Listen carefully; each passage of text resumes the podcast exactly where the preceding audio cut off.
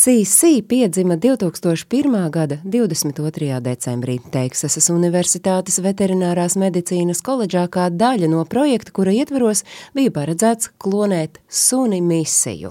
Savu vārdu kaķis ieguva pateicoties jēdzienam copycat, kā tā saīsinājums. Sabiedrība par eksperimenta rezultātiem gan uzzināja tikai nākamā gada februārī, kad pētījuma aprakstu publicēja žurnālā Nature. Jau gadu un mēnesi pēc eksperimenta Teksasas zinātnieki bija manāmi apmulsuši, jo kaķa klonēšana bija it kā izdevusies. Kaķis bija piedzimis, izdzīvojis, tomēr zinātniekus mulsināja tas, ka Sisī nav bijusi nekāda līdzība ar tā oriģinālu kaķi vārdā varavīksne.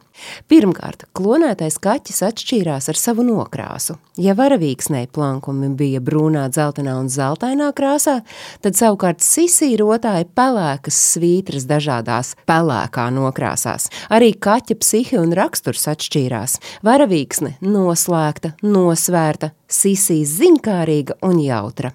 Dažs labs jau sāka apšaubīt to, ka Sisī varbūt vispār nav klons, ja ne DNS pētījumi, kas apstiprināja, ka kaķis ir klonēts. Cilvēki, kuri cerēja, ka klonēšana palīdzēs uzcelt no mirušajiem mīļotos dzīvniekus, bija vīlušies. Turklāt zinātnieki rezultātus apkopojot teica, ka pat DNS negarantē vienādu nokrāsu.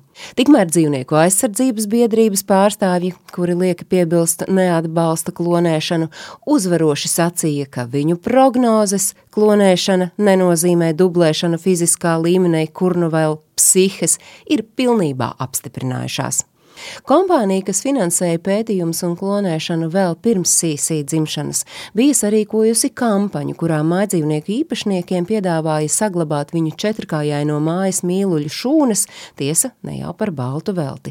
Tolaik, 2001. gadā, tas maksāja 895 dolārus.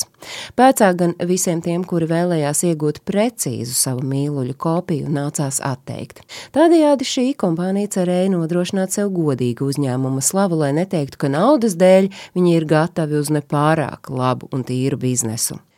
Tiesa kompānija tolaik nemeta plinti krūmos, cerot, ka kaut kad tomēr izdosies iegūt precīzu dzīvnieka kopiju, kam gan nepieciešami papildu pētījumi. Tikmēr Sisī Sešus mēnešus pēc nākšanas pasaulē adaptēja laboratorijas vecākais profesors, viens no zinātniekiem, kurš strādāja pie šī projekta - Dveins Krāmers un viņa sieva Šērlija.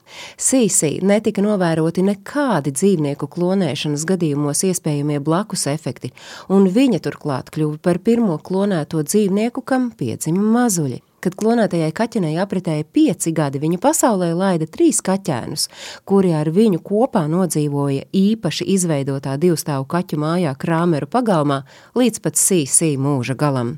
Sīsī nodzīvoja 18 gadu ilgu mājas kaķa mūžu, un viņa saulē aizgāja 2020. gadā. Kāpēc klonētā kaķa nāves sacīja viņa saimnieki, tā bija ilga, normāla un laimīga kaķa dzīve. Par klonētās kaķenes aiziešanu sēroja ne tikai profesora Krāmera ģimene, bet arī visa zinātnieku saime, kas bija piedalījusies kaķu klonēšanā. Sakot, ka ir abēdināti par sīsī aiziešanu, vienlaikus ir priecīgi par to, kā pirmajam klonētajam kaķim ir izdevies attīstīt zinātni, palīdzot zinātnieku aprindām saprast, ka klonēšana var būt efektīva, un pateicoties tai var iegūt veselīgu dzīvnieku. Bet Krāmers sacīja, ka sīsī bija veiks veiksmes stāsts viņa paša dzīvē un karjerā, jo kaķenes stāsts un viņas fotografijas bija gards kumosiņš visas pasaules mēdījiem.